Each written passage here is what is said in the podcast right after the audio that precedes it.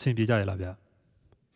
ကျွန်တော်နဲ့ BCS တို့ပူးပေါင်းထုတ်လုပ်တဲ့ဒေါ်လာရေးတဲကဝေဝါမှုတွေကိုကြေးလဲအောင်စ조사ခြင်းဆိုတဲ့အစီအစဉ်ကိုခုနားဆင်နေရတာဖြစ်ပါတယ်မြောက်ပိုင်းတပ်ဖွဲ့တွေရဲ့ထိုးစစ်ဆင်မှုနဲ့အတူစစ်ကောင်စီတပ်တွေစီကစစ်လက်နက်ပစ္စည်းတွေယာချီသိမ်းဆည်းရမိထားပါတယ်လက်နက်ငယ်တွေအပြင်လက်နက်ကြီးတွေနောက်ပွင့်ရိုင်ဖယ်တွေနဲ့တန်ချက်ကကားတွေအတွဲလိုက်ဒုံးပစ်တဲ့ကားတွေကိုပါသိမ်းဆည်းရမိခဲ့တာတွေ့ရပါတယ်ဒီလိုလက်နက်တွေအများကြီးမိထားတာဟာစစ်ကောင်စီရဲ့ဆုံးရှုံးမှုဘယ်လောက်ထိရှိတယ်ဆိုတာ ပြနေတယ်လို့မျိုးဒေါ်လာရေးတပ်ဖွဲ့တွေရဲ့အောင်မြင်မှုအတိုင်းအဆကိုလည်းခန့်မှန်းနိုင်တာမျိုးပါဒါပေမဲ့ဒီတန်ချက်ကာတွေလက်နက်ကြီးတွေဟာဒေါ်လာရေးတပ်ဖွဲ့တွေအတွက်ဘယ်လောက်ထိအသုံးဝင်သလဲပြန်ပြီးတော့ကောအသုံးချလို့ရနိုင်သလားဒီလိုမေးခွန်းမျိုးတွေအတွက်စစ်တပ်နဲ့ပစ္စည်းတွေအကြောင်းတောက်လျှောက်လေ့လာရေးသားနေတဲ့ Tactical Raptor နဲ့ဒီတစ်ပတ်မှာမေးမြန်းထားပါတယ်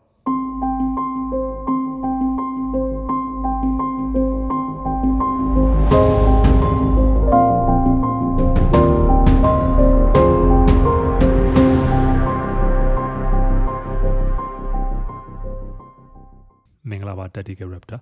ကျွန်တော်တို့မေးခွန်းတွေမစခင်မှာ Tactical Raptor အကြောင်းအရင်ဆုံးမိတ်ဆက်ပေးပါအောင်ဗျဟုတ်ကဲ့ကျွန်တော်က Tactical Raptor page က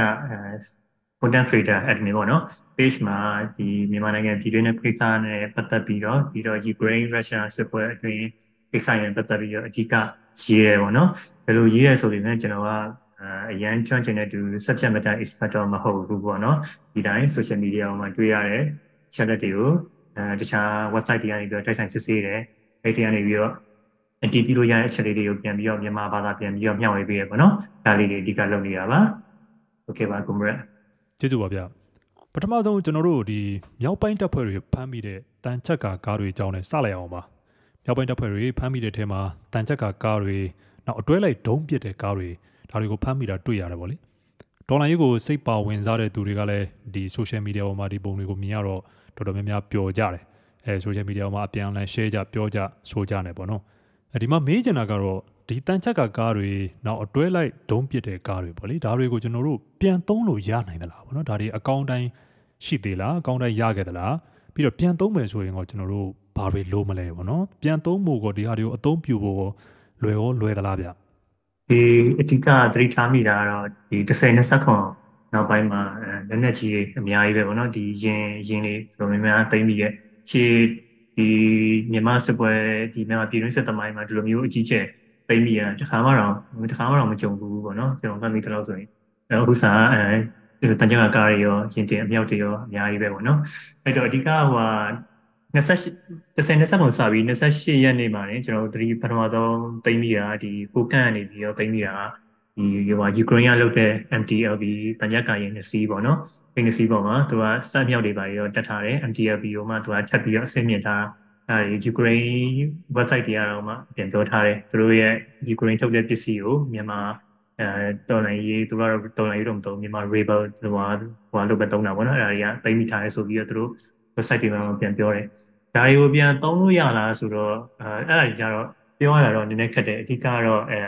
ပိုပစ္စည်းနဲ့ကြည်တွေပေါ့နော်သူတို့မှသုံးတယ်30 30မမ30မီလီမီတာဆက်အမြောက်တွေကတော့ဒီတရုတ်ကနေတဆင့်ပြီးလို့ရှိရင်ဝါကနေတဆင့်သူတို့အဆက်တွေရှိလို့ရှိရင်ဝယ်လို့ရနိုင်တယ်ဒါပေမဲ့အဲကြီးစံအပြင်အပိုပစ္စည်းဒီလက်နက်ပစ္စည်းတွေကပြောလဲရင်တွေကအပိုပစ္စည်းရတယ်အရန်လိုတာကိုဒီရန်ကြီးရှိအောင်လည်းမရဘူးစီရှိအောင်လည်းမရဘူး တို့မှာတောက်လျှောက်ပြင်ဖို့တွေ SPC စားထုတ်ဖို့တွေလိုတယ်အဲ့ဒါအိမ်မှာကျတော့အခက်အခဲရှိနိုင်တယ်လို့ကျွန်တော်ထင်တယ်အဲ့တော့ကျွန်တော်ကျွန်တော်ဒါတွေကကြီးကြီးမားမားတက်ရောက်မှုတော့မရှိတော့ဘူးဒါဒီတိုင်း trophy အနေနဲ့ပေါ့နော် trophy အနေနဲ့ဟိုဟာပြီးလို့ရှိရင်ဘာသာဖြန့်တဲ့အနေနဲ့3နာရီမှာတော့ပို့ပြီးတော့အကျိုးရှိမယ်လို့ကျွန်တော်ထင်တယ်ပေါ့နော်ဒါပေမဲ့အဲဒီဟိုတိမ့်မိရတဲ့မှာတရုတ်ပစ္စည်းတရုတ်လက်နဲ့တရုတ်ပညာကားလည်းပါတယ်ဘယ်လိုဟိုဟာပေါ့နော် WMA 301ဆိုတာအဲဟို ကိုကန်ကိုကန်တက်ဖွဲ့တွေနောက်တကားကိုဖြတ်ရိုက်နေရဖြတ်ပြီးဖွင့်လို့စူးစမ်းနေတဲ့ဗီဒီယိုတစ်ခုရှိရဲအဲ့ဒါဟိုပါဘောနော်ဒီပြည်တွင်းမှာတော့တစ်ခါလေအလွဲပေါ်တော့ tank destroyer တင်ကားဖြတ်လက်နေဆိုပြီးခေါ်တယ်ဒါပေမဲ့သူစားတကယ်တော့တင်ကားဖြတ်လို့တော့မတင်တော့ဘူးပေါ့နော်သူရဲ့105မမအမြောက်ဆိုတာကဒီခစ်ပေါ်တင်ကားရင်းနဲ့တော့တိတ်ပြီးတော့အာပောက်ဖို့တော့မလွယ်တော့ဘူးပေါ့နော်သူကပြစ်အားပေးပြစ်ကူပေးတဲ့အနေနဲ့တော့အသုံးဝင်နိုင်တယ်အဲ့ဒါကတော့တရုတ်မှာတရုတ်ထုတ်ပစ္စည်းဆိုတော့ပေါ့နော်ဒီပစ္စည်းတွေပါတယ် သူတို့ဆက်သွယ်ရှိမယ်ဆိုရင်ရနိုင်တယ်လို့ထင်တယ်။အဲမျိုးတွေကတော့ကျွန်တော်ထင်တာက အဲ့ပစ္စည်းကတော့ပြန်သုံးလို့ပြန်သုံးရတာအခက်အခဲမရှိတော့ဘူးเนาะတခြားဟို PTR တို့ပြီး MTR တို့တညက်ကရင်တွေကတော့ Ukraine ကလာတာဆိုတော့ဟိုပစ္စည်းဘိုင်းမှာနည်းနည်းအခက်အခဲရှိနိုင်တယ်နောက်တစ်ခုကကြတော့အတွဲလိုက်ပြစ်တဲ့ဟာတွေပေါ့နော်တွဲလိုက်ပြစ်တဲ့ဟာတွေအဲ့ဒါတွေကတော့အဲအဲ့ဒါတွေကတော့အဓိကတော့ဂျီကတိမ့်မိရဲ့ဒီယူပါကုန်းတွေမှာတိမ့်မိရဲ့ဂျီကပါအရန်နဲမယ်လို့ထင်တယ် အဲတစ်ခါတစ်ခါလောက်ပဲပြစ်ပြီးမယ်ပြီးလို့ရှိရင်တော့ဘာမှဆက်သုံးလို့ရမှာမဟုတ်တော့ဘူးပေါ့နော်အဲ့လိုထင်တယ်အဲအကြောင်းမလို့အဲဒါတွေကပစ္စည်းတွေတိမ့်မိရဲဆိုပေမဲ့ကျွန်တော်ကတော့အဲဘယ်လိုပြောမလဲအပြောင်းလဲဖြစ်နိုင်လောက်အောင်တော့အမှအပမာဏမများသေးဘူးလို့ထင်တယ်ပေါ့နော်ကွန်ဂရက်ဒီမှာတခါတည်းဆက်ဆက်ပြီးတော့ပေါ့လေဒီကျွန်တော်တို့ဖမ်းမိတဲ့ထဲမှာတိမ့်မိတဲ့ထဲမှာ how weather လိုမျိုးဒီအင်မတန်ကြီးတဲ့လက်နက်ကြီးတွေရောပါလာတာတွေ့တယ်ဒါတွေကိုရောဗျပြန်သုံးလို့ရနိုင်သလားဗျ အဲဒီတိမ့်မိရဲ့ထဲမှာအမြောက်ကဆိုရင်အဲနည်းနည်း notable notable ဖြစ်တဲ့အမြောက်ဆိုရင်ဒီ30လို့ခေါ်တဲ့အမြောက်ရဲ့122မီလီမီတာအမြောက်ရဲ့နောက်တစ်ခုကကျတော့နောက်ဆုံးမှသိမ်းမိရကျတော့155မီလီမီတာစုတန်အဲအစ္စရေးပေါ့နော်အဲ့ဒီမျိုးရှိတယ်ဒီဒီတတိကတော့တရုတ်မှာလည်းသုံးတယ်ဆိုတော့ဒီဝါမှာလည်းရှိလောက်မယ်ထင်တယ်အဲအမှဆိုရင်တော့ကျွန်တော်ပြန်သုံးပြရရလွယ်လောက်တယ်သူရဲ့ဆက်ဆက်တဲ့ကြည်တယ်ရလောက်တယ်ပေါ့နော်ဒီနောက်တစ်ခုကအဲ Israel လောက်တဲ့ အဲ Sultan 155 155မီလီမီတာအမြောက်ကတော့300နည်းနည်းခတ်မယ်လို့ထင်တယ်ဒါအပြင်တချို့အစာတွေကလေပစ္စည်းတွေသိမ့်မိတယ်ဆိုပေမဲ့တစ်ချက်စဉ်းစားစရာလေဒါအကောင့်အတိုင်းသိမ့်မိရတယ်ဟုတ်မဟုတ်ကကျွန်တော်တို့သိဖို့နည်းနည်းခက်တယ်အဲ Israel လောက်တဲ့အဲဆိုတန်ဆိုတန်အမြောက်ဆိုလို့ရှိရင်သူရဲ့ပုံမှာတွေ့ရတဲ့အတိုင်းဆိုရင် hydraulic လက်တံတစ်ချက်ကတစ်ဖက်ကပေါ့နော်ပိန်လိန်ပြီးတော့ပြက်နေတယ်အဲဆိုရင်ပြန်သုံးပါနည်းခက်မယ်ပေါ့နော်သုံးလို့ရပါမှာတော့နည်းနည်းပြောရခက်တယ် ဟုတ်ကဲ့ပါဗျာကျွန်တော်တို့ရဲ့နာမည်ကျော် Carl Gustav လက်နက်ကြောင်ဆက်အောင်ပါနာမည်ကျော်ဆိုတာကတော့ဒီလက်နက်ဟာဟိုးရင်ကလေးကဆွီဒင်နိုင်ငံထုတ်ဖြစ်တာနောက်ပြီးအိန္ဒိယအစိုးရကနေမြန်မာစစ်တပ်ကိုသွင်းပေးတာစတဲ့ပြည်တွင်းမှာလည်းမဟုတ်ဖ ೇನೆ ပေါ့နော်ဥရောပအိန္ဒိယထိပါကြဲကြဲလောင်လောင်အတန်ကျဲခဲ့တယ်လို့ဆိုနိုင်တဲ့လက်နက်ပါဒီ Carl Gustav ဟာဘန်ကာတွေကိုဖြစ်တဲ့နေရာမှာနာမည်ကြီးပါတယ်ဒီလက်နက်ကိုခုတော့မြောက်ပိုင်းတပ်ဖွဲ့တွေတင်စီရမိတဲ့အထက်မှာတွေ့ရပါတယ်ကျွန်တော်ဒီလက်နက်အကြောင်းအသေးစိတ်သိရမှာလားဗျ ဟုတ်ကဲ့ဒီ Carl Gustav ဆိုတာ84 mm အဲ requirement rifle နောက်ဖွင့် rifle ပေါ့နော်အဲ့ဒါကလောက်တာကတော့အဓိကစပြီးထုတ်လုပ်တာတော့ဆွီဒင်ကလုပ်တယ်ဒါပေမဲ့ဆွီဒင်ကနေပြီးတော့အဲဆွီဒင်ကဥစ္စာကိုအိန္ဒိယမှာကို license ပေးပြီးတော့အိန္ဒိယပြန်ထုတ်တယ်ပေါ့နော်အဲအဲ့ကနေမှအိန္ဒိယနေပြီးတော့2012လောက်ကနေကမြန်မာပြည်မှာတိမ့်မိရတွေတွေ့ရကချင်ဘက်မှာနေ KIA ဘက်ကနေပြီးတော့ပုံတွေအဲ့ကနေကတိမ့်မိတဲ့ပုံတွေပါရှိတယ် အဲအိန္ဒိယ license ထုတ်တာကိုမြန်မာကိုပြန်ပေးရအဲ့ကနေတစ်စင်မြန်မာရတယ်ပေါ့နော်အဲ့ကနေကတော့ဆွီဒင်ကတော့မှအဲနည်းနည်းသူတို့တွေဟိုပြောနည်းနည်းအိန္ဒိယနဲ့စကားပြောလို့နော်နည်းနည်းပြောရတာရှိသေးတယ်သူတို့ရဲ့မြန်မာပြည်ကဥရောပလက်နက်တွေမရောအောင်ဆိုပြီးတော့ဒါမျိုးပိတ်ပင်ထားတာကိုအဲ့ဒါကိုဆွေဒင်ရဲ့လက်နက်တွေကိုမြန်မာစစ်တပ်ကတည်းကတွေ့ရတော့နည်းနည်းစကားပြောအပြောဆိုရှိခဲ့သေးရပေါ့နော်ဒါပေမဲ့ဘာမှတော့ဆက်မဖြစ်ပါဘူးဒီတိုင်းပဲပြတ်ဒီတိုင်းပဲပြီးသွားတာပေါ့နော်အဲ့တော့ဒီဟာကဒီ ဒီလောင်ချာ84မမလောင်ချာဆိုဆိုတော့မျိုးကဗမာသုံးလဲဆိုတော့အဓိကတော့သူ့ရဲ့ရည်ချက်တွေကတော့အာဒီလည်းရ website တွေမှာရေးတာကတော့ဒီအတားအဆီးတွေပေါ့နော် fortification ဆိုတာဘန်ကာတွေပါဖြတ်လို့ရှိရင်လည်းသုံးတယ်ပြီးလို့ရှိရင်တင်ဖြတ်အနေနဲ့လည်းသုံးလို့ရတယ်ကြည်ဒီလိုတော့လိုအပ်တဲ့တင့်တော်တဲ့ကြည်ရောပြောင်းပေးရတာပေါ့နော်ပြီးလို့ရှိရင်သူ့ဥစ္စာဒီထဲမှာကွဲတဲ့အတွက်ဂရုချင်းတွေကလူတွေပြစ်မှတ်တွေပါဆိုရင် ထိရောက်တယ်ပေါ့နော်သူကဂရုချင်းတွေကိုတက်တက်ထိစရာမလိုဘူးဂရုချင်းအပေါ်ကိုမီတာအကွာဝေးကိုချိန်ပြီးတော့ဟိုကြည်ကိုအဲ့လိုတတ်မှတ်ပေးလိုက်လို့ရတယ်ကြည်ကဂရုချင်းအပေါ်မှာကွဲမယ်ကွဲတဲ့အစာနာတွေကဂလိုချင်းတွေမှာဝစ်နေတဲ့လူတွေအကုန်လုံးကိုထိခိုက်စေနိုင်တယ်မနော်ဒီကွဲကြည့်လို့ခေါ်တဲ့ဒီပခုံးထန်းထဲမှာဒီကွဲရတယ်ဆိုတာတော်တော်လေးဘယ်လိုပြောမလဲတော်တော်လေးကောင်းတယ်ပေါ့နော်တော်တော်လေးအကျိုးရှိတယ် သုံးတဲ့နေရာပေါ်တော့အခြေအနေပေါ်တော့မူတည်ရပါလေအဲ့မျိုးတွေအတွက်ဆိုရင်ဒီကာကုဆက်ကတော်တော်လေးကောင်းတယ်ပေါ့နော်အဲကြောင့်ဒီကွဲကြည့်ဆိုရင်အကာအကွယ်ယူထားလဲသူကထိရောက်မှုရှိတယ်ပေါ့နော်လုံးဝအကာအကွယ်နောက်မှဆိုပြီးစိတ်ချနေလို့မရဘူးအဲကြောင့်မလို့သူများတွေသူများတွေဆိုတာစစ်တပ်ကအတိုင်းဝိုင်းကပြောရတယ်အရာဆိုရင်ဒီ count to step ကိုပြင်မယ်ဆိုလို့ရှိရင်တရင်မှုလောက်အဆင့်အမှပြည့်ချက်အဲပေးပြီးတော့မှပြရတယ်လို့ပြောတယ်သူရဲ့အဲလမ်းညွှန်မှုနဲ့ပြရတယ်ပေါ့နော်ဒီတိုင်းအောက်ခြေကနေပြီးတော့ပြစ်ရှင်နိုင်ပြလို့မရဘူးလို့ပြောပါတယ် ဟုတ်ကဲ့ဒီသိမ့်မိတာတော့တွေ့တယ်ပေါ့နော်ဒါပေမဲ့ဒီလက်နက်အတွက်ပေါ့လေလက်နက်လက်နက်ကတော့ကျွန်တော်တို့သိမ့်မိတယ်ဒါပေမဲ့ဒီလက်နက်အတွက်ကြီးစံနေကောင်းကောင်းရလိုက်သလားဗျနောက်ပြီးဒီဟာကိုအခုနောက်ပိုင်းမှာပြန်သုံးနေတာကိုမြင်ရသလားဗျကဲပြန်သုံးတာကတော့ရှိတယ်လွန်ခဲ့တဲ့နှစ်ရက်သုံးရက်ကနေပြီးတော့အဲဒီကိုကန့်အဲဟိုဟာကိုကန့်တပ်ဖွဲ့ရနေပြီးတော့အဲအဲ့ဒါကိုပြစ်ပြနေတဲ့ဗီဒီယိုရှိရဲ့သူလေ့ကျင့်ရင်ပြစ်တလားဒါမှမဟုတ်တကယ်အဲစစ်စင်ရေးအတွင်းစစ်ကောင်စီပြစ်မှတ်တစ်ခုခုပဲပြစ်နေလားတော့မသိရဘူးပေါ့လေ အဲ့တော့ပြန်သိမ်းတာတွေကတော့အာအများကြီးဆိုတော့လောင်ချာဒီပြစ်တဲ့ပြုံပေါ့နော်လောင်ချာတွေကတော့ဒီဒီဘာကုန်းစကန်တစ်ခုသိမ်းပြီးတိုင်းမှာတလက်လက်တလက်လက်အဲ့လိုတော့တွေ့ရတယ်ဒါပေမဲ့အဲအရန်အများကြီးရောမဟုတ်ဘူးပေါ့နော်အဓိကတော့အဓိကဟိုလူတွေသတိထားမိသွားတာကအဲမော်ထိုက်ပြူအကုန်းမှာအဲသူ နဲ့ကာကူစတန်နဲ့ဖြစ်တဲ့ကြည်တွေအများကြီးယာနဲ့ချီပြီးတော့တိတ်ပြီးတာပေါ့နော်အမှကအမှသုံးတဲ့ကြည်ကတော့ဒီလိုမျိုးဒီခြေအဲခြေလင်တက်ဖွဲ့တွေကိုပြစ်တဲ့ကြည်မျိုးမဟုတ်ဘူးတင်ဖြတ်တဲ့ကြည် heat ပေါ့နော် high high explosive anti tank ဆိုတာအဲ့ကြည်ယာနဲ့ချီပြီးတော့တိတ်ပြီးရအဲအဲ့မှာတော့ကျွန်တော်တို့သတိထားမိပါတယ်ပေါ့နော်ဒါထဲမှာလည်းဒီလိုမျိုးဒူပြစ်တဲ့ကြည် high high explosive ကြည်ရတယ်ဒီအိုင်းတော့အဲ3လေးလုံးခုန3လေးလုံးဒီနာ3လေးလုံးအဲ့လိုတိတ်မိနေရပြီးတော့မကြမ်းမကြတွေ့ရတယ်ပေါ့နော် သူရဲ့အသုံးဝင်မှုကကျွန်တော်တို့ကဒီနည်းနည်းဟိုလိုပြောလို့ရတယ်နော် tactical operational strategy ဆိုပြီးတော့ tactical ဆိုတာတော့ဒီတိုင်းတိုက်ပွဲငယ်အတွင်းမှာဒါမျိုးကအသုံးဝင်လာဒီအိမ်မှာအဖြေပြောင်းပေးနိုင်လားပေါ့နော်ပြီးလို့ရှိရင် operation တွေကကြတော့ဒီနယ်မြေအတွင်းမှာစစ်စင်ရေးတစ်ခုလုံးကိုထိခိုက်နိုင်တဲ့လက်လက်မျိုးလားဒီမှာ strategy ဆိုတာဟိုရဲ့နောက်ပိုင်းဟိုနောက်တန်းနေအထိပါ view ကနောက်ပိုင်းဒီမဟာဗျူဟာမြောက်လက်နက်လာပေါ့နော်အဲ့လိုဆိုရင်တော့ကျွန်တော်တို့ဒီလက်နက်သိမ်းပြီးရဆိုတာ tactical အဆင့်လောက်မှာပဲအသုံးဝင်နိုင်တယ်ပေါ့နော်ခြားဒီ စစ်ပွဲနဲ့ပြီးဒေသရင်းမှာစစ်ပွဲအဖြစ်ကိုပြောင်းပေးနိုင်တဲ့လက်နက်မျိုးတော့မဟုတ်ဘူး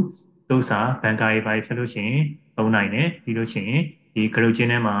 ရှိနေတဲ့ဥစ္စာတွေဆိုလို့ရှိရင်အချိန်ကိုက်ရင်အချိန်နဲ့တင်းလို့ရှိရင်ဂရုချင်းအပေါ်မှာပောက်ကွဲပြီးတော့ဘာတွေကိုဒီစစ်ကောင်စီအကောက်ဝယ်ယူထားတဲ့တပ်ဖွဲ့တွေကိုဘာတွေထိခိုက်နိုင်တယ်ပေါ့နော်အဲတင်းဖြတ်အနေနဲ့ကတော့နည်းနည်းပြောရခက်တယ်ဗျဟုတ်လဲဆိုတော့အဲစစ်ကောင်စီကဒီရှမ်းမြောက်မှာတင်ကားတွေတင်ကားတော့မဟုတ်ဘူးပေါ့နော်ဒီတန်ကြက်ကားတွေ အသိခံနေရတယ်ဆိုပေမဲ့အများကြီးသုံးနေရတော့မတွေ့ရဘူးတောင်ပေါ် data ဆိုတော့သူသုံးရတာလည်းနည်းနည်းတိတ်ပြီးတော့အဲ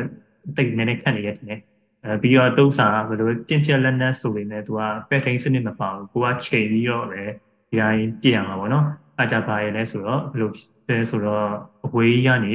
ပြလို့မရဘူးယူကရိန်းနေပိုင်းမှာမြင်ရလိုမျိုး3-4ကီလိုမီတာ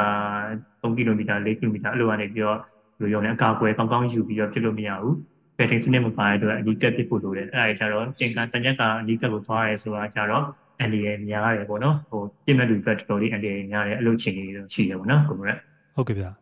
နောက်တစ်ခုကတော့ကျွန်တော်တို့စနိုက်ပါတွေအကြောင်းပြောရအောင်ပါဒီစနိုက်ပါဆိုရင်တော့ရုပ်ရှင်တွေထဲမှာဆိုရင်စနိုက်ပါပါတဲ့ရုပ်ရှင်ဆိုတာတော်တော်ကြည့်လို့ကောင်းတဲ့ရုပ်ရှင်မျိုးပေါ့တဲတထိတ်ထိတ်နဲ့ကျွန်တော်တို့ဒီ scope ကနေချိန်တာကိုစောင့်ပြီးတော့ပြက်မှတ်ကိုဒိန်းကနေပြစ်ချလိုက်တာမျိုးကျွန်တော်တို့ကစောင့်ကြည့်ရတာမျိုးပါ အဲတချို့ရုပ်ရှင်တွေထဲမှာဆိုကျွန်တော်တို့ဒီစနိုက်ပါပစ်တဲ့အဲပြစ်မှတ်ကမိုင်နဲ့ခြီးပြီးတော့ဝေးတာမျိုးတွေ့တယ်ပေါ့နော်ဆိုတော့ကျွန်တော်တို့စီမှာတော့ဗျဒီစက်ကောင်စီတပ်ဖက်မှာစနိုက်ပါပစ်တဲ့လူပေါ့နော်ကောင်းကောင်းရှိသလားကြားဖို့သလားပေါ့နော်အဲပြီးတော့သူတို့အသုံးပြုတဲ့စနိုက်ပါတွေကဘယ်လိုမျိုးတွေလဲ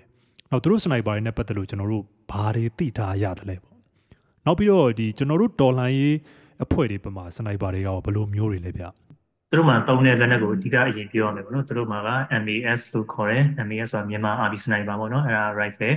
အဲ့ဒါက Mark 1 Mark 2ဆိုပြီးတော့ရှိတယ်နောက်ပိုင်းအဓိကတွေ့ရတာက Mark 2တော့သူတို့အစားထိုးလိုက်ပြီး Mark 2တွေဖြစ်နေပြီပေါ့နော်အဲ့မှာကသူတို့ကမြန်မာ Army Sniper လို့ပြောပေမဲ့တကယ်ကဟိုတင်းပြစ်ချက်ပြစ်အထိပ္ပယ်ဖွင့်မယ်ဆိုရင် Sniper rifle မဟုတ်ဘူးဗျသူကလက်ဖြောင်းတနက်ဆင့်လောက်ပဲရှိတယ်လက်ဖြောင်းတနက်ဆိုတာဟို DM ပါပေါ့နော် DM ဆိုတာ designated marksman rifle ပေါ့နော်ဘာလို့အဲ့လိုပြောလဲဆိုတော့ဟိုဟာသူ့ရဲ့အသုံးပြုတဲ့ကြီးတနက်ရဲ့အနေထားရပါတော့ပထမဆုံးအသုံးပြုတဲ့ကြီးက7162.51 NATO ကြီးပေါ့နော် HG တုံးတယ် HG ကဘယ်ပြောမလဲအရန်ကြီးအဝေးပြစ်လို့ကောင်းကောင်းအဝေးပြစ်လို့ရတယ်ဆိုပေမဲ့စနိုက်ပါတင်းပြချက်ပြသုံးတဲ့ကြီးမျိုးမဟုတ်ဘူးပေါ့နော်ပြီးတော့စစ်ကောင်စီကနေပြီးတော့သူတို့ရဲ့ဒီ MAS Mark II rifle တွေကို standard issue အနေနဲ့ထုတ်ပေးတဲ့အဲမှန်ပြောင်းပေါ့နော် scope တွေကဟို PSO scope ဆိုတာက chair ၄စာပဲရှိတယ်အဲ့ဒါတွေကဘယ်လိုပြောမလဲအဲအဝေးဘယ်လိုမှထားပါတော့ရုပ်ရှင်တွေရလို့မီတာမီတာ1000 1000 2000အဲ့လိုမျိုးတွေမှာပြစ်ဖို့ဆိုတော့မလုံတော့ဘူးပေါ့နော်သူတို့မှသူတို့အဲအပြင်ကနေဝယ်ပြီးတော့ဥစ္စာမျိုး page လေးတွေရရှိရဗျာသူတို့စစ်ကောင်စီတပ်ဖွဲ့ဝင်အချင်းချင်းအပြင်ကနေဝယ်ပြီးတော့ကိုတနက်ကူမှ ကိုယ့်ရဲ့တိုင်မှုခွင့်ပြုချက်လိုအဲ့လိုလုပ်ပြီးတော့ပြန်ဝယ်တာမျိုးတော့ရှိရဒါပေမဲ့တက်ရင်တက်ဖွဲ့ထူလုံးနေလည်းမဟုတ်ဘူးတချို့ကြိုကြားကြိုကြားလေးတွေပဲတွေ့ရတာပေါ့နော်နောက်တစ်ခုကသူကနက်ဒီမှာဒီစနိုက်ပါဆိုလို့ရှိရင်သူကတနက်ပြောင်းကိုသူကပြောမယ်အနောက်ရှက်မလုပ်ရဘူးပေါ့နော်နောက်ဆက်မလုပ်ရဘူးဆိုတာတနက်မှာလက်ကတနက်အပြစ်လက်ကင်ရှိမယ်လက်ကင်ရနေပြီးတော့တနက်ပြောင်းကိုသွားထိလို့မရဘူးဘာလို့လဲဆိုတော့ကိုကလက်ကင်ကိုကင်ရတဲ့အချိန်မှာအရာအားတနက်ပြောင်းအပေါ်တက်ရောက်သွားနေဆိုလို့ရှိရင် တနက်ရဲ့ဘယ်လိုပြောမလဲတိကျမှုကလည်းဘယ်ဆောင်ကြတော့အဲ့လိုမျိုးထိအောင်မရှိနိုင်ရဆိုပြီးတော့တို့ရစနိုက်ပါဆိုရင် free floating barrel ဆိုပြီးတော့တနက်ပြောင်းကဘာနဲ့မှမကြည့်ပဲအဲ့လိုတန်းတန်းထားတာများတယ်ဒီ MBS မှာကြတော့တနက်ပြောင်းမှာသူကထောက်ကြီးနှစ်ချောင်းထောက်ကြီးလာတက်ထားတယ်တနက်ပြောင်းမှာဓာတ်ရိုက်လာတက်ထားတာအဲ့တော့ပြောင်းကဒီကြီးပေါ်ထောက်လိုက်ပြီဆိုတာ ਨੇ အဲအဲ့ဒီဟာပေါ့အဲ့ထောက်ကပေါ့နော်တနက်ပြောင်းပေါ်တက်ရောက်မှုရှိနေပြီအဲ့အဲ့တော့ကြီးချမှုတွေပါတွေက ပြောမယ်အရန်ကြီးမကောင်းဘူးပေါ့နော်ဒီချက်တွေကြောင့်လို့ကျွန်တော်တို့ကတော့စစ်ကောင်စီပြီးသူရဲ့ဥစ္စာကို MBS မြန်မာ Army Sniper လို့ပြောနေပြီမယ်ကျွန်တော်ကလက်ပြောင်း Sniper အစင်မဟုတ်ဘူးလက်ဖြောင်းတနက်အစစ် DMR အဆင့်လိုပဲသတ်မှတ်ထားတယ်ပေါ့နော်တင်ပြေချက်ပြေ sniper rifle ဆိုပြီးတော့တော့မရှိဘူးပေါ့နော်ဒီတိုင်းဟိုမန္တလေးမှာကျွန်တော်တို့စပြီးတတိထားမိရလူတွေထဲမှာအာရုံရတာတော့ မန္တလေးစနာပြတော့ကအပြစ်ခံတယ်ကွာ sniper နဲ့ပြစ်တယ်ဆိုပြီးတော့ပေါ့နော်အဲ့မှာတုံးသွားတယ်လက်ရှိတဲ့တုံးနေတဲ့ MAS Mark II ဆိုတာက sniper rifle အစစ်တော့မဟုတ်ဘူးလက်ဖြောင်းတနက် master rifle လောက်ပဲရှိရဲဘာလို့လဲဆိုတော့သူ့ရဲ့အသုံးပြုတဲ့ G ကအဲတင်ပြေချက်ပြေ sniper G မဟုတ်ဘူးပြီးတော့သူရဲ့ဖွဲ့စည်းတိစောက်ပုံကလည်း sniper ပုံမပေါက်ဘူးပေါ့နော်ဒါပေမဲ့ sniper မဟုတ်ဘူးဆိုရင်လည်းသူကလက်ပြောင်းတနက်ကတော့လက်ပြောင်းတနက်ပဲပုံမှန်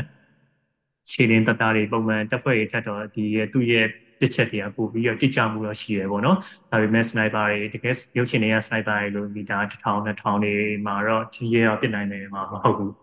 အဲ့အတွက်ကြောင့်အဲကျွန်တော်ကဒီစစ်ကောင်စီရဲ့ sniper ကိုအရင်ကြီးတော့ထင်မကြည့်ဘူးပေါ့နော်ဒီကရင်ဘက်ကဆိုလို့ရှိရင်သူတို့ဝယ်သုံးတဲ့ကရင်ဒီဘက်မှာအခု campaign လုပ်နေတဲ့ဒီ sniper တွေပါဆိုလို့ရှိရင်အာအများကြီးပိုကောင်းတယ်ပေါ့နော် အသုံးပြုရချီတွေပါရလဲပိုကောင်းတယ် scope တွေပါရလဲပိုကောင်းတယ်ဖနက်ကလည်းအဲပို့ပြီးတော့တိကျမှုကိုဦးစားပေးထားတဲ့တနက်တွေပေါ့နော်ပြီးတော့စစ်တောက်စီဘက်မှာကပြီးတော့ sniper ဆိုလို့ရှိရင်အများကြီးရောလည်းမရှိဘူးဗျာဒါတွေကိုကြည့်ပြီးသိသိနိုင်တယ်ဆိုတော့ဒီ30 29နောက်ပိုင်းမှာဒီလက်နက်တွေအများကြီးသိမ့်ပြီးဒီချေမုံရေး rifle ဆိုလည်းအများကြီးပဲအဲစစ်တနက်တွေဆိုလည်းအများကြီးပဲ ဒါပေမဲ့ sniper သိမ်းမိရဆိုလို့ရှိရင်ဒီ MAS ပေါ့နော် sniper MAS သိမ်းမိရဆိုလို့ရှိရင်တလက်ဆတလက်ဆအဲနှစ်လက်သုံးလက်အဲ့လောက်အများဆုံးပဲသိမ်းမိရဒါဘာလို့လဲဆိုလို့ဒီမှာလည်းဒီတပြက်ပြက်ရှိရဆိုပေမဲ့အရန်ကြီးဒီပြက်ပြက်ပုံနေတာမဟုတ်သေးဘူးပေါ့နော်ပြီးတော့အာအဝေးကြီးရောလည်းပြက်နေတာမဟုတ်ဘူးဒါပေမဲ့အဲထားပါတော့မီတာ1000အောက်ထိတွေ့မှုတွေမှာတော့ဒီဥစ္စာကထိအောင်ပြီးတော့ရှိနိုင်တယ်အဲဒီဘက်ကကိုဘက်ကစနိုက်ပါကိုဘက်ကစနိုက်ပါအဝေးကြီးကနေပြန်ပစ်တာမျိုးတော့သူတို့မလုပ်နိုင်တော့ဘူးလို့ကျွန်တော်ထင်တယ်ပေါ့နော် ဟုတ်ကဲ့ပါဗျနောက်ဆုံးမေးခွန်းအနေနဲ့ဒီလေရင်ပြစ်တွေအကြောင်းပြောကြအောင်ပါတရင်တွေထဲမှာဆိုရင်ဒီစက်ကောင်စီရဲ့လေရင်တွေပြက်ကြတဲ့တရင်နောက်လေရင်ကိုပြစ်ချနိုင်တယ်ဆိုတဲ့တရင်ပေါ့နော်အဲ့လိုတရင်တွေကတခြားကြံတဲ့တရင်တွေတက်ပို့ပြီးတော့လူကြိုက်များတာတွေ့ရတယ်အဲပြီးတော့ဒီလေရင်နဲ့ပတ်သက်တဲ့သတင်းမှားတွေပြန့်နှံ့မှုကလည်းကြံတဲ့သတင်းတွေတက်ပို့ပြီးတော့ပိုမြန်တယ်သတင်းမှားတွေပိုများတာတွေ့ရတယ်ပေါ့ဒီပြောရရင်သတင်းမှန်ကဖနက်ပြင်ုံရှိတဲ့သတင်းမှားကကဘာတပတ်ပတ်ပြီးနေပြီဆိုသလိုမျိုး လေရင်သတင်းနဲ့ပတ်သက်တဲ့သတင်းမှားကပိုများပါတယ်အရင်ဆုံးမေးချင်တာကတော့ဒီမှာဒီ jet fighter လိုမျိုးပေါ့နော်အဲ့လိုမျိုးကိုပစ်ချဖို့ကျွန်တော်တို့မြေပြင်ကနေဘယ်လိုလက်နက်မျိုးတွေတုံးရတယ်လဲဘယ်လိုလက်နက်မျိုးတွေကိုတုံးပြီးပစ်ချလို့ရတယ်လဲဒါမျိုးပေါ့နော်နောက်တစ်ခုကကျွန်တော်ဒီတိုက်ခိုက်ရေးရဟတ်ရင်တွေပေါ့စက်ကောင်စီဘက်ကတိုက်ခိုက်ရေးရဟတ်ရင်တွေကအောက်ကနေပစ်ချမယ်ဆိုရင်ရောဘယ်လိုအနေအထားမျိုးတွေမှာကျွန်တော်တို့ပစ်ချလို့ရတယ်လဲဗျဟုတ်ကဲ့ဒီလေရင်ပစ်ချနဲ့ပတ်သက်ပြီးတော့လည်းသူတွေကအဲအဲ သွေးစုနေတဲ့ကိစ္စဖြစ်တယ်ပေါ့နော်ဒီဘက်ကလည်း campaign တွေလည်းလုပ်ထားတာကိုဟို Dragonfly တို့ KD.5 တို့ပေါ့ဆိုတော့သူတို့ရဲ့အဲ tagline ဖြစ်ဖြစ် slogan ဖြစ်ဖြစ်အဲ့လိုမျိုးဒါလေရင်ပစ်ချမယ်ဆိုပြီးတော့စစ်ကောင်စီရဲ့လေရင်ပစ်ချမယ်ဆိုပြီးလုပ်ကြတော့အဲ့လိုတွေကနေပြီးတော့ဒီဘက်ကလည်း expectation တော့များတယ်ပေါ့နော်အဲ့တော့ဟိုကျွန်တော်သိတာကတော့လေရင်ဒီ2021အာဏာသိမ်းပြီးနောက်ပိုင်းမှာ တော်လန်ရေးဒါမှမဟုတ်တိုင်းရင်းသားလက်နက်ကိုင်ဘက်ကနေပြီးတော့လေရင်ပစ်ချတာကိုလုံးဝမငင်းနိုင်အောင်မြင်ရတာက2021နောက်ပိုင်းလောက်ကအဲကချင်ဘက်မှာတနေရဟန်တစီအဲဟိုမီ35တက်ခိုက်ရဟန်တစီပစ်ချခံရလေထဲမှာရင်သူ့နားမှာပောက်ခွဲပြီးတော့ပြုတ်ကျသွားတာအာဗီဒီယိုအောက်ကနေရိုက်ထားတဲ့ဗီဒီယိုရှိရဲ့အဲ့တခုကပဲဒီကျွန်တော်တို့ဘက်ကပစ်ချတာကိုလုံးဝငင်းစရာမရှိအောင်အတည်ပြုနိုင်တဲ့ကိစ္စလို့ထင်တယ်။ဒီနေ့ကိစ္စတွေကတော့ပြောရနည်းနည်းခက်တယ်ဗျ ဒီသူကသာသူအာပြန်တန်းချိန်များလို့ပြက်ကြတာပြီးလို့ရှိရင်ကိုအောက်ကပြစ်လို့ပြက်ကြမျိုးဆိုတာတခြားဖဲရအောင်လုံလောက်တဲ့ information data မရှိဘူးပေါ့နော်နောက်ဆုံးလုံခဲ့နောက်ဆုံးဆိုရင်အခုတတလောအဲလူပြောများတဲ့ကိစ္စကတော့ဒီ KNI ဘက်က Wi-Fi နဲ့ပြစ်လိုက်လို့လေရင်ပြကြသွားတယ်ပြီးတော့လေရင်ဘူးဖမ်းမိထားတဲ့ကိစ္စပေါ့နော်။ဒါဆိုရင်လည်းအားလုံးက KND 0.5ကနေပြီးတော့ပြစ်လိုက်တာအောက်ကနေပြစ်နေတဲ့ဗီဒီယိုလည်းရှိတယ်ရှိတယ်ပေါ့နော်။ အဲဒါပေမဲ့အဲပြောရရင်တော့လေရင်ကိုကင်မရာထဲမှာလေရင်ကိုမြင်ရတာဟုတ်တယ်လေရင်ကိုပြစ်နေတာဟုတ်တယ်မီကိုထွက်သွားတာဟုတ်တယ်ဒါပေမဲ့အောက်ကပြစ်လို့လေရင်ကြည့်ပြီးတော့မီကိုထွက်တာလားပြီးတော့တကယ်ပဲလေရင်အဲ့လိုပဲတကယ်ဖြစ်တာလားဒါမှမဟုတ်လေရင်ဆက်ချုပ်ရင်ပြီးအင်ဂျင်ပိုင်းဆိုင်ရာချုပ်ရင်ပြီးတော့တပတ်တော်ပြကြလားဆိုတာဒါကြီးကတော့ပြောရခက်တယ်အဲအဲတခြားမသိနိုင်ဘူးပေါ့နော်နောက်ဆုံးလေရင်ကိုလည်းဒုံးကြီးတွေပါထိရဆိုရင်တော့လေရင်ပစ်ဒုံးကြီးထိရဆိုရင်တော့သူ့မှာအစာအနာစင်နာတွေကိုကြည့်ပြီးတော့ဟုတ်ပြီဒါတော့လေရင်ပစ်ဒုံးကြီးထိရတာအဲ အဲဆိုပြီးတော့ကောက်ချက်ချနိုင်တယ်ဒီလို0.5လောက်နဲ့ပြစ်တာတော့ကတော့အာကြီးကြီးမားမားဘယ်ပြောမလဲအဲလက္ခဏာရှားတာခက်မယ်ပေါ့နော်အဲ့တော့ဒါအတီးပြုလို့ကတော့ရမှာတော့မဟုတ်ဘူးဒါပေမဲ့ကိုစီတာတို့တင်ကြပါတယ်ပြချတာဒီပြချတာဒီကိုအဲပြချသွားရဲဆိုတာတော့အဲဒါအာပြောမယ်ကိုဘက်ကိုဘက်ကအမြတ်ထွက်တာပဲပေါ့နော်အဲ့တော့ပြီးတော့ဆက်ပြောရလို့ရှိရင်ဟိုမရက်ကျော်ပြောတဲ့အထက်မှာလေရင်ပြစ်ဖို့ပါလို့မလဲပေါ့နော်တကယ်ပြောရရင်အဲ့လို အမြန်ပြန်နေတဲ့ jet fighter တွေကိုပြချဖို့ကတော့မလွယ်ဘူးဗျအဲသူ့ကိုပြချမယ်ဆိုလို့ရှိရင်ဒီ pattern စနစ်လမ်းညွှန်စနစ်ပါရဲ့လေရင်ပြစ်လက်နက်တွေနဲ့ပြစ်မှရမယ်အာအင်္ဂလိပ်ဟိုဟိုဘက်ယူကရိန်းကစကားဆိုဆိုရင်တော့ဟောနော် GB80 ပေါ့နော် ground based air defense ပေါ့နော်အဲ့လိုမျိုးနေ radar ကနေပြီးတော့ဘေးလာနေဆိုတော့ဖမ်းယူသိရှိမယ်ပြီးတော့မှအဲသူရဲ့ radar လမ်းညွှန်စနစ်ပဲဖြစ်ဖြစ်အပူလမ်းညွှန်စနစ်ပဲဖြစ်ဖြစ်အဲ့လိုသုံးပြီးတော့လေရင်ကိုပြစ်ချမှာအဲ့ဒါမှပဲလွယ်မယ်ပေါ့နော် ဒီကျွန်တော်တို့တိုင်းရင်းသားတွေဘက်မှာရန်ပန်ရန်ကတွေ့ရလေးရှိရဲ့ပခုံးတန်းလေရင်ပြစ်တဲ့အတောင်မှ jet fighter ဆိုရင်ပြစ်ဖို့တိတ်မလွယ်ဘူးဗျသူကအမြင့်ပြန်နေရများလဲဆိုရင်ဒီဟာတွေရဲ့ဇလန်းမမီဘူးပေါ့နော်ဟိုနောက်ပိုင်းဒီအခုဂါဇာကိစ္စမှာဆိုရင်တော့မှ Israel လေယာဉ်တွေကို Hamas တွေကတိတ်မပြတ်နိုင်သူတို့မှပခုံးတန်းလေယာဉ်ပြရှိရအောင်မှအခုထိလောက်လာပြချနိုင်တာ မရှိသေးဘူးပေါ့နော်ဒီအခုအကြီးကျယ်ဖြစ်နေတဲ့စစ်ပွဲမှာပြောတာပါဒါဆိုရင် Hamas ဆိုလို့ရှိရင်လည်း Iran တို့ဘာလို့ကနေပြီးတော့အကြီးကျယ်ထောက်ပံ့ထားတာပဲသူတို့တော့မှပြချဖို့သူတို့တော့မှပြချဖို့ခက်တယ်နောက်ကနေပြီးတော့မှထောက်ပံ့နေတဲ့နိုင်ငံတနိုင်ငံစစ်တပ်တစ်ခုအစိုးရတစ်ခုရှိနေတာတော့မှအာတက်တိတ်မှပြချဖို့ခက်တယ်ပေါ့နော်အာရဟန်းရင်ဘာညာမျိုးကြတော့သူကတော့သွားတာပြန်တာနည်းနည်းနှီးတယ်အဲ့ဒီကြတော့နည်းနည်းဖြစ်နိုင်ရရှိရဗျအကောင့်တန်းဟိုဝါတို့ပြီးလို့ရှိရင် AA ဘက်မှာဆိုရင်လည်းတရုတ်ကလုပ်တဲ့ FN6 အဲ ပကုံးတန်းလေးဒီလိုမျိုးကင်ပြီးတော့တပုံရိုက်ထားတဲ့ပုံလေးရှိတယ်အဲ့ဒါတွေကတော့ရဖက်ရင်နေပါလေဆိုလို့ရှိရင်ဒီမီ35 ရဲ့ဖြစ်ဖြစ်အဲပြီးလို့ရှိရင်တေပို့ဆောင်ရေးဟန်နေပဲဖြစ်ဖြစ်သူတို့ရဲ့အတက်အဆင်းလုံးနေတဲ့အချိန်နေနေတဲ့အချိန်လေးမှာပြစ်ချရင်တော့ဖြစ်နိုင်တယ်ဒါပေမဲ့0.5နဲ့ကတော့အဲ0.5ဆိုတာပါဘောနော်0.5 caliber heavy machine gun လို့ပြောတာပေါ့နော်မြန်မာလိုခေါ်ရင်တော့ ဒီဒီစက်တနက်ကြီးလို့ပြောကြတယ်ဒါပေမဲ့အဲအဲ့ဒါတော့ဒီဒီကိုကျွန်တော်ကိုယ်ပိုင်အမြင်ကတော့လုံလောက်မှုမရှိဘူးလို့ယူဆတယ်ကိုယ်ပိုင်မြင်ဆိုရင်တော်တော်များများနိုင်ငံခြားကဒီလေးလာတဲ့လူတွေမှာလည်းစက်တနက်နဲ့လေရင်ပစ်ချဖို့ဆိုတာတော့တော်တော်လေးတော်တော်ကိုကံကောင်းမှရတဲ့ကိစ္စမျိုးဖြစ်တယ်သတ်မှတ်ထားတယ်ပေါ့နော်အဲဒါကြောင့်မလို့တက်ရှိမှာကျွန်တော်တို့ရဲ့ point finance ဆိုလို့ရှိရင်ချင်းချောင်းနိုင်တာအနေပြန်လာတဲ့ရဟက်ရင်တွေတေရုပ်ဆောင်ရဲ့ရဟက်ရင်တိုက်ခိုက်ရဲ့ရဟက်ရင်တွေအဲလိုမျိုးဖြစ်နိုင်တယ်လို့ပဲ အဲ့လိုမျိုးကိုပဲအနေငယ်ချင်းချောင်းနိုင်မယ်လို့ဖြစ်နေဒါတော့မှတော်တော်လေးကံကောင်းမှပဲရမယ်ဒီရဟတ်ရင်တွေဆိုတာလည်းသူတို့ကလည်းဟိုဆိုဗီယက်ဒီအာဖဂန်ကိုကြီးကြော်ကနေကပြောမယ်အတုံးတော့ခံလာရဟတ်ရင်တွေတောင်တောင်ကြီးတော့ကတော့ခံနိုင်တယ်ပေါ့နော်တော်တော်လေးကံကောင်းပြီးတော့ချက်ကောင်းနေအင်ဂျင်နီယာတွေထိမှပဲပြကြဖို့လွယ်လိမ့်မယ်ပေါ့နော်ပြီးတော့ရဟတ်ရင်ပြစ်တယ်ဆိုတာကလည်းကြီးစံနေပါရဲ့လိုမျိုးနည်းနည်းချင်းစီပြစ်နေလို့မရဘူးအများကြီးပိုင်းပြအောင်ပေါ့နော် ပြီးလို့ရှိရင်ကိုပြစ်တဲ့ကြီးကလည်းလေထဲမှာဆိုတော့ဘယ်နာရောက်မှမသိဘူးအဲ့ဒါကိုဘယ်နာရောက်မှကြည်သွားတာကိုမြင်နေလို့ရှိရင် tracer ကြည်လို့ခေါ်တယ်ဟိုကမီးလောင်သွားတဲ့ကြည်ပေါ့နော်နောက်ပိုင်းမှာအဲကြည်ရဲ့ဖင်မှာမီးလောင်သွားပြီးတော့ကြည်စံပဲသွားနေတယ်အဲ့တော့မှမြင်ရမယ်အဲ့တော့မှကိုကနေပြီးတော့အဲကိုချိန်နေရအပေါ်တင်ဖို့လိုမလားရှေ့တိုးရမလားအဲ့လိုတွေလုံးမှလေရင်ပြစ်တာတွေပါဒီမှာထိအောင်မရှိနိုင်တယ်ပေါ့နော်ပြီးတော့နောက်ပိုင်း လေရင်ပြအ ਨੇ ဆုံးပေါ့နော်မြေပြင်ကနေပြီးတော့ဒီပဲတိန်တုံးကြီးမဟုတ်ဘဲနဲ့ရိုးရိုးတနက်နဲ့လေရင်ပြည့်မယ်ဆိုလို့ရှိရင်တနက်မဟုတ်ဘဲနဲ့ဆက်အမြောက်တွေ20 mm 20မမတို့တော့အလောက်နဲ့ပြစ်မှာပဲလေရင်ပြစ်တယ်ဆိုတာနည်းနည်းထိရောက်တယ်လာတဲ့လေရင်ကိုချင်းချောင်းနိုင်မယ်လို့ကျွန်တော်ထင်တယ်ပေါ့နော်ဟုတ်ကဲ့ပါဗျတော်တော်တော်တော်ကိုပြည့်ပြည့်စုံစုံပြောပြပေးတာကျေးဇူးအများကြီးတင်ပါတယ်အဲကျွန်တော်ဘက်ကတော့မေးစရာဒီတူတူတူမရှိတော့ပါဘူးဆိုတော့ထပ်ပြီးတော့ဖြည့်ပြောချင်တာကျွန်တော်မေးတာအထက်မှာ မပါဘဲနဲ့ကြံသွားတာမျိုးရှိတာတွေရှိရင်ထပ်ဖြည့်ပြောလို့ရပါတယ်ဗျဟုတ်ကဲ့ဒီတလက်နက်တွေပါတွေသိမ်းမိရဲဆိုပေမဲ့အဲကျွန်တော်တို့ကတော့အဲဒီခြေလင်းတွေတက်ဖွဲ့တွေကိုပေးလိုက်တဲ့လက်နက်ငယ်စင်ပြောင်းစက်တက်ကြီးအဲအရာတော့တော်တော်လေးအကျိုးရှိရဲပေါ့နော်အဲဒါကဒီလက်နက်ဝယ်ရတာတော်တော်ဒုက္ခရောက်နေတဲ့အဖွဲ့အစည်းရောက်သွားလို့ရှိရင်ဒါတွေကအပြောင်းလဲအများကြီးဖြစ်တယ်ဒီပြီးရထားပြီးမဲ့လက်နက်ကြီးတွေသိမ်းမိရဲဆိုတာတန်ကြက်ကကားတွေအမြောက်တွေသိမ်းမိရဲဆိုတာကတော့ trophy သဘောမျိုးပဲပို့ပြီးတော့အကျိုးသက်ရောက်မှုရှိမယ်ပေါ့နော်အဲအဲ့ဒါတွေအတွက်ကိုရီးယားအတွက်အဓိကကိုရီးယားဘက်မှာလုံးဝအာကိုပြီးအာကိုလို့ရစစ်ကောင်စီဘက်ကအခုထိအဖြေရှာလို့မရသေးတာတော့ drone တွေလို့ပဲထင်တယ်ပေါ့နော် drone တွေဘက်ကိုသူတို့ဘက်ကနေပြီးတော့ကောင်းကောင်းတားဆီးနိုင်သေးဘူးအဲရှင်းနှစ်ဒီကနေ့က drone တွေကဒီစစ်မြေပြင်မှာကြီးစိုးလာမယ်ဆိုတာ drone ဆိုတာစစ်တုံး drone တာမဟုတ်သေးဘူးပေါ့နော်ရိုးရိုးအရက်ဘက်တော့ drone သူတို့ကတော့ဟို commercial off the shelf အလွယ်တကူဝယ်လို့ရတဲ့ drone CODS drone လေးဆိုပြီးခေါ်ကြတယ်ပေါ့နော် security drone တွေကနေပြီးတော့ပုံပြီးပြချတာအဲ့ဒါတွေကလည်းကျွန်တော်တို့ဒီ dollar ရဲ့အဖွဲ့ရဲ့အတွက်အဓိကအားထားစရာ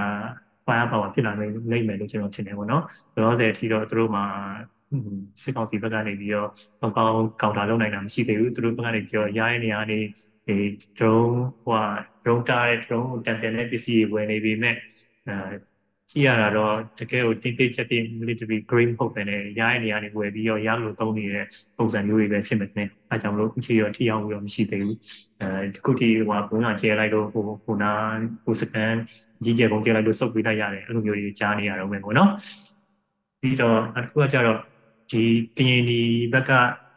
campaign တွေပါတယ်ဆိုလို့ရှိရင်တော့ပါဝင်ပေးဖို့ကျွန်တော်ကတော့တိုက်တွန်းချင်တယ်ပေါ့နော်ဒီဘက်မှာဆိုလို့ရှိရင်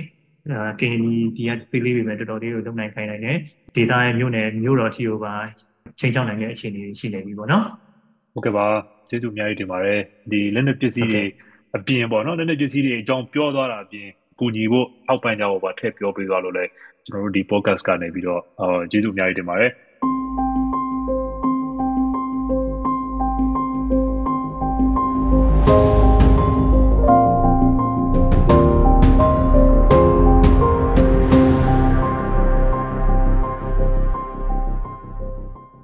ကျွန်တော် podcast ကိုနားဆင်ပေးကြတဲ့အတွက်ကျေးဇူးတင်ပါတယ်ဒီ season ကို BACS နဲ့တူပူးပေါင်းထုတ်လုပ်ထားတာဖြစ်ပါတယ်နောက်တစ်ကြိမ်ပြန်ဆုံကြရအောင်ပါအားလုံးအဆင်ပြေကြပါစေဗျာ